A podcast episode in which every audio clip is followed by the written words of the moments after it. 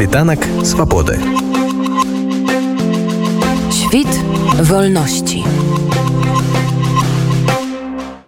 ольга сямашкалі мікрафона нагадаю што вы на беларускай хвале радыонет і працягваем расказваць пра беларускія падзеі чэхія будзе прымаць беларускіх студэнтаў на пэўныя спецыяльнасці з гарантыйнымі лістамі пасля праходжання верыфікацыі такая дамоўленасць была дасягнута з двума чэшскімі вНУ у рамках працы офіса святланы ціхановскай і прадстаўнікоў беларускай нацыянальнай меншасці ў чэхі будучыя студэнты павінны будуць атрымаць водгукі афіцыйных прадстаўнікоў беларускай нацыянальнай меншасці якія пацвярджаюць сцвярджаюць што гэты чалавек падзяляе гуманістычныя і дэмакратычныя каштоўнасці еўрапейскай супольнасці вНУ таксама буду сашыць за тым каб у кампусе не было дыскрымінацыі ў дачыненні да беларускіх студэнтаў па прыкмеце іх нацыянальнасці альбо грамадзянства гэта такі кампрамісны варыянт каб маладыя людзі з беларусі маглі навучацца ў чэхі дарацца святлана ціхановскай франак вячорка днямі напісаў што на канкрэтнай выбарцы ў чэхі выявілася што у істотнай часткі студэнтаў студэнтаў і тых хто плануе імі стаць бацькім ці супрацоўнікі кДб ці фальсіфіцыравалі выбары ў складзе камісіі ці як у адным выпадку звязаны з фірмай якая тэхнічна забяспечвае ўзброеныя сілы беларусі а для чэхі гэта небяспечна і таму было узнята адпаведнае пытанне вядома што дзеці беларускіх чыноўнікаў суддзяў і сілавікоў навучаюцца ў іншых еўрапейскіх дзяржавах паўстала пытаннем наколькі такі пераслед праз раство з'яўляецца правамерным этычна і юрыдычным. Дарацца Святлана Ціхановскай па пытаннях адукацыі і навукі прафесар еўрапейскага гуманітарнага універсітэту Тацяна Шыцова выказвае свае меркаванні датычна таго, ці павінны дзеці беларускіх прыхільнікаў рэжыму несці адказнасць за тое, што робяць іх бацькі. Прежде всего я хочу отметить, что то, что начались дискуссии по этому поводу, очень хорошо. И то, что люди спорят друг с другом, высказывают противоположные, даже полярные мнения, это тоже хорошо, потому что всем нам надо учиться культуре политических дискуссий, таких вот ценностных дискуссий, которые касаются нашей совместной гражданской жизни в стране. Поэтому само по себе хорошо, что это вот становится таким распространенным феноменом уже вот начиная с 2020 года, что в, сетях, в социальных сетях ведутся такие обсуждения по важным общественно-политическим вопросам. Теперь вот э, если вернуться к тому вопросу, который вы задали, вот в той формулировке, как вы сформулировали, мой ответ совершенно однозначный. Дети не должны нести ответственность за политические взгляды, преступления, содействие режиму и так далее, за любые действия своих родителей. Это совершенно однозначно. Потому что переключение в какую-то другую модальность, другую возможность будет возвращать нас э, к очень печально известным политическим практикам, которые были распространены в тоталитарных режимах, когда за решетку и в лагеря отправляли родственников, знакомых, друзей, людей, аттестованных определенных в терминах враги народа. Поэтому ответ мой тут совершенно однозначный, без каких бы то ни было возможностей пересмотра этого вопроса. Дети не должны нести ответственность за действия, поведение, взгляды и так далее своих родителей. Але ў той же момант ёсць такія выпадкі калі бацькі гэтых дзяцей яны зарабляюць грошы на тым что допустим садзяць людзей бязвінных у турмы за гэта яны атрымліваюць грошы. А на гэтыя грошы яны аплочваюць напрыклад навучанне у замежных краінах набываюць там нерухомасць для сваіх дзяцей. З аднаго боку яны поступаюць як бацькі якія клапоцяцца а будучыні сваіх дзяцей і на гэта зарабляюць. З іншага боку усе мы разумеем якім коштам даюцца гэтыя грошы. Часто яны і нават і у незаконным э, шляхам дабытыя калі мы возьмем там нейкія карупцыйныя схемы ці хабары ці яшчэ штосьці і тут з аднаго боку так постае такая вот этычная дылема з аднаго боку гэтае дзіцё яно не несе адказнасці за то якім чынам яго бацька зарабіў гэтыя грошы. З другого боку ён з'яўляецца не просто карыстальнікам гэтага дабрабыту але і ну па сутнасці нейкім амбасадарам гэтага усяго я совершенно согласна с тем что сама по себе ситуация это достаточно сложная если нам приходится ее вот обсуждать и давать какую-то оценку. Потому что конечно контекст которым нам приходится давать ответ вот на поставленный вопрос, он ну, не позволяет участникам этих дискуссий абстрагироваться вот от всех нюансов э, такого рода ситуации. Ну вот, например, если взять конкретную ситуацию, связанную с э, та, которая сейчас обсуждается в связи с э, нашими студентами в Чехии, там есть проблемы, связанные с выдачей визы, есть проблемы, связанные с тем, нужно ли разрешать нашим студентам обучаться на определенных специальностях, которые с точки зрения э, там, критериев безопасности, которых придерживаются чешские власти, обучение белорусских студентов на определенных специальностях может толковаться как э, с точки зрения возможной угрозы да, интересам безопасности этой страны. То есть контекст, конечно, очень сложный. И если мы учитываем вот эти этические аспекты и вопросы, связанные с интересами безопасности, и задаем все новые вопросы. Вот, например, как тот вопрос, который вы сейчас привели, вопрос, связанный с тем, что студенты, у которых родители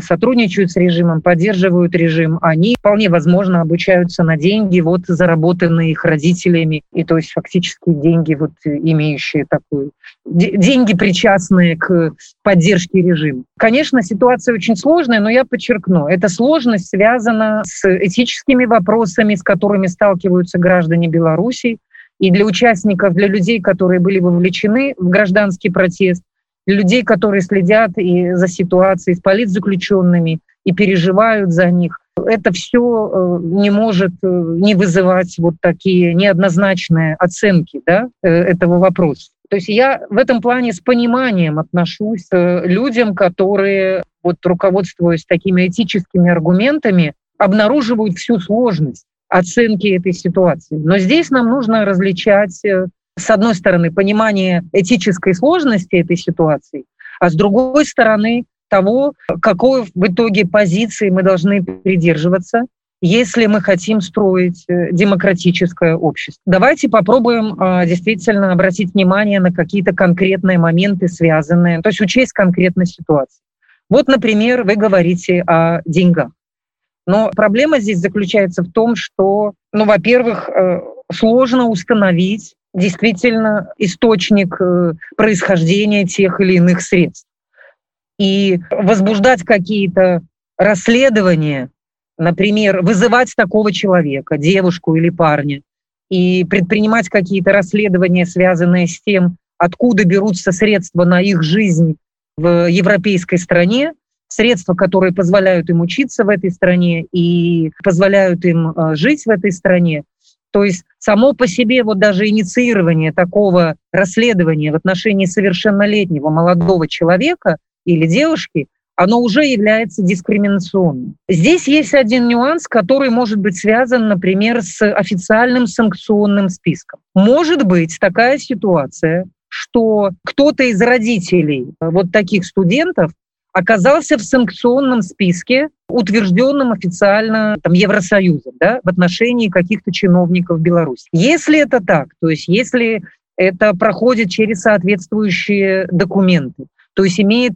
соответствующий правовой статус, то надо смотреть, как эта санкция оформлена. Бывают случаи, когда санкция, которая распространяется на конкретное лицо, распространяется также и на членов семьи этого лица. То есть бывают такие кейсы. Я сейчас рассуждаю абстрактно, я просто показываю, что нужно очень конкретно разбираться.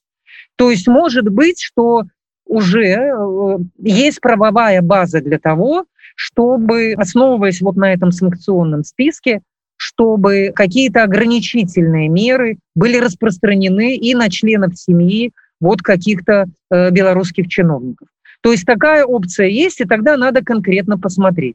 Но если окажется, что нету правового основания для того, чтобы вот руководствуясь финансовым аспектом, который вы затронули, если правовых э, оснований э, для этого нету, это будет дискриминацией, лишать, э, вот, предпринимать какие-то ограничительные действия в отношении совершеннолетнего человека, основываясь только на том, что предположительно его учеба, его проживание за границей вот базируется на средствах, заработанных родителями, которые находятся на службе вот этого репрессированного э, лукашенковского режима. Важно помнить о том, что мы имеем дело с э, личностью, и у этой личности есть права, И мы, как демократически мыслящие люди, должны всегда об этом помнить. Имеем ли мы право ущемлять права соответствующего человека? На каком основании мы будем инициировать те или иные дискриминационные практики? Я, когда я говорю «мы», я имею в виду представителей белорусского демократического общества. И это тоже очень важный момент, чтобы мы различали, например, позицию представителей соответствующей европейской страны, например, представителей чешского правительства, чешских органов безопасности и так далее, потому что в основном этот кейс сейчас, вокруг этого кейса ведется обсуждение. То есть я ни в коей мере сейчас не, не занимаю позицию, представляющую интересы чешского государства. У них есть своя точка зрения, свои полномочия, свои аргументы. И, например, аргументы, связанные с обеспечением интересов там, безопасности страны, они могут выстраиваться определенным образом и обосновывать ну, вот какие-то инициативы чешского правительства, чешских государственных органов. Это их задача оставаться в рамках правового поля. И я сейчас ни в коей мере не даю никаких рекомендаций представителям вот, чешской стороны. Я сейчас высказываюсь как представитель белорусского гражданского общества, демократических сил, участница и сторонница нашего демократического движения. Если мы намерены строить демократическое общество, то мы должны уже сейчас очень строго придерживаться определенных базовых принципов и не позволять себе становиться на сомнительный путь дискриминации чьих бы то ни было персональных прав, не имея для этого достаточных э, правовых оснований. Вы абсалютна трапна расставілі ўсе акцэнты Вось па гэтых пытаннях. Гэта трэба абмяркоўваць і выпрацоўваць гэты інструменты менавіта зараз бо калі прыйдзецца іх ужываць і імплементаваць у на беларускае грамадства патрэбны канкрэтныя інструменты крытэрыі правілы па якіх будзе ажыццяўляцца тая ж самая ілюстрацыя якая закране інтарэсы сваякоў гэтых людзей так? Ці працуе зараз офіс вось над распрацоўкай гэтых крытэрыяў і правіл каб калі гэта спатрэбіцца.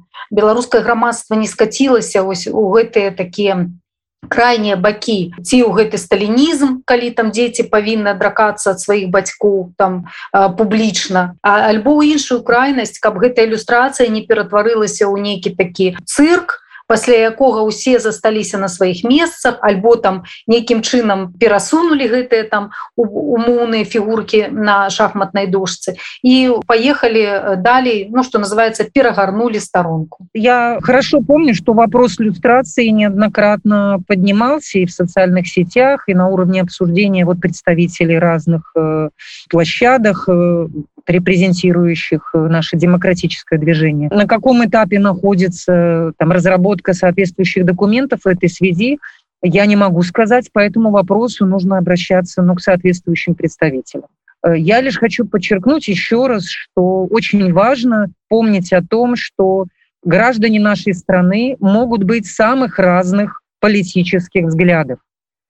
И даже тот факт, что кто бы то ни было приводит какие-то аргументы в пользу определенного устройства государства, определенной политической системы, выстраивает определенной идеологии и так далее, дает свою оценку, позитивную или негативную, и, и там, эффективности или неэффективности работы государственных аппаратов и так далее – за политические взгляды не может быть никаких преследований и не может быть введения никаких дискриминационных практик. Наказание в отношении наших граждан может основываться только на работе соответствующих э, правовых юридических органов, институтов и основываться на законодательстве нашей республики, там, Конституции, ну и всех правовых актов. Поэтому надо всегда помнить о том, что протест у нас начинался, да, белорусский демократический протест начинался с того, что люди возмутились тому, насколько э, власть пошла, на, закрыла глаза на Конституцию, Э, закрыла за глаза на э, законы нашей страны для того, чтобы только остаться у власти. Вот. И еще, ну и пошла фактически на кровь и на подав... такое жесточ... жестокое подавление протестов и все, и все ужасы, которые за этим последовали. Вот надо об этом помнить. Собственно, демократическое движение началось с того, что наше, белору... наше гражданское общество в большинстве своем придерживается того, что нам нужно э, государство, в котором придерживаются законов. Ну так надо распространять это и на каждый конкретный кейс. И как я уже сказала, но я уже здесь повторяюсь, какие бы у нас не были такие по-своему, по-человечески понятные реакции на эту ситуацию, то есть когда я, например, слышу от кого-то, что Э, ну, там рассуждение типа «яблоко недалеко от яблони падает». Здесь включаются какие-то подозрения в том плане, что очень может быть, что раз э, ребенок из такой семьи, что и мы знаем, что нет никаких свидетельств, что он участвовал в гражданских протестах в 2020 году или в каких-то последующих протестных акциях в 2021 году, что если нет никаких свидетельств о том, что он участвовал в гражданских протестах, и при этом вот из такой семьи чиновников, работающих на режим и лояльных по отношению к режиму, то, скорее всего, он тоже как минимум пассивно в общем-то, лоялен по отношению к этому режиму. Все это резонное рассуждение. И мнений может быть на уровне вот такой коммуникации высказано очень много. И это, опять же, они совершенно понятны. И надо относиться к ним с пониманием. Нельзя, чтобы решения, касающиеся возможностей там, и самореализации наших граждан, они выносились по ту сторону правового поля и по ту сторону базовых э, таких европейских демократических ценностей. Вот это очень важно помнить. И здесь тоже для нас очень серьезный вызов. Нам нужно учиться вот этой политической культуре, учиться э, проводить различия, учиться учиться сдерживать, может быть, свои какие-то самые радикальные мнения, нам нужно учиться вот этой вот политической культуре, которая ориентируется на то, чтобы принятие решений строились не на приватных мнениях, а строились именно на э, таких общезначимых принципах, которые зафиксированы в соответствующих правовых актах. У беларусаў, як мне падаецца, ёсць вельмі добры такі прыклад Колі Лукашенко, які вось якраз такі сабой уяўляе вось гэты такі агульны образ Э, дзяцей беларускіх чыноўнікаў сілавікоў усіх. Па сутнасці гэты хлопчык ён з'яўляецца закладнікам той сітуацыі якой ён знаходзіцца. Ён не выбіраў месца радзіму бацькоў. Ён нарадзіўся там дзе нарадзіўся і выхоўваўся так як яго выхоўвалі бацькі. Як вам падаецца коля лукашенко альбо як персона рэальная альбо як просто такі агульны образ. Насколькі яму будзе просто працягваць жыць у беларускім грамадстве і што гэтае грамадства павінна зрабіць для таго, каб такія дзеці адчувалі сябе ну як мінімум свабоднымі прымаць рашэнне заставацца ім у беларусі ці жыць там дзесьці яшчэ. Каб вось гэты цяжар адказнасці бацькоў ён не вісеў над імі ўсё их астатняе жыццё. Да, это пример, конечно, совершенно такой исключительный, потому что та ответственность, которая лежит на его отцы, она такая чрезмерная. Все демократически настроенные граждане белорусов а, надеются на то, что в какой-то ближайшей исторической перспективе состоится суд над этим человеком. И, конечно, Николай это понимает. Что мы можем сделать для того, чтобы дети высоких чиновников, людей, которые вот входили в эту вертикаль власти, могли жить в нашей стране, ну, не опасаясь преследований даже, возможно, каких-то презрений со стороны. Здесь, конечно, невозможно гарантировать, что не будет таких э, негативных моральных реакций, но вы совершенно правы. Сама постановка вопроса ориентирует на то, что, конечно, мы должны стремиться к тому, чтобы в нашем обществе была такая степень открытости, чтобы законы, действие законов было настолько первостепенным в этой стране, чтобы все абсолютно все граждане, в том числе дети вот э, такого рода чиновников, людей из вертикали власти, могли чувствовать себя безопасными и защищенными законом. То есть в этом плане все должны быть равны. Вот это равенство всех людей перед законом и должно оставаться главным принципом и быть главным принципом, которого, безусловно, нам, нам следует придерживаться. Было бы хорошо, если бы взрослые, да, уже совершеннолетние дети такого рода родителей, конечно, у всех окружающих будет ожидание, определенное ожидание в отношении того, что такие дети выскажут какую-то свою публичную оценку, что с их стороны последует какая-то реакция в отношении того, что произошло в нашей стране, тех преступлений, которые были совершены представителями власти и, соответственно, их родителями в том числе. Конечно, такие ожидания будут, и эти ожидания правомерны. Но опять же, надо помнить, что при всей правомерности этих ожиданий, ну, то есть правомерности с точки зрения того, что были жертвы, очень многие люди незаслуженно понесли наказание. И в этическом плане, подчеркиваю, в этическом плане такие ожидания правомерны. И здесь есть очень тонкий вопрос, связанный с тем, как вот эти этические наши правомерные ожидания, в какой мере они могут быть основания для каких-то правовых и юридических требований. Ну, то есть где между связь, да? Как обеспечивается связь между этическими принципами и ожиданиями и соответствующей правовой системой, правовыми документами. И что я хочу сказать? Что если такие дети, несмотря на ожидания общественности, будут хранить молчание, опять же, это их право не высказываться в публичном поле. В будущем они могут натолкнуться, конечно, и на какое-то осуждение общественности в этой связи.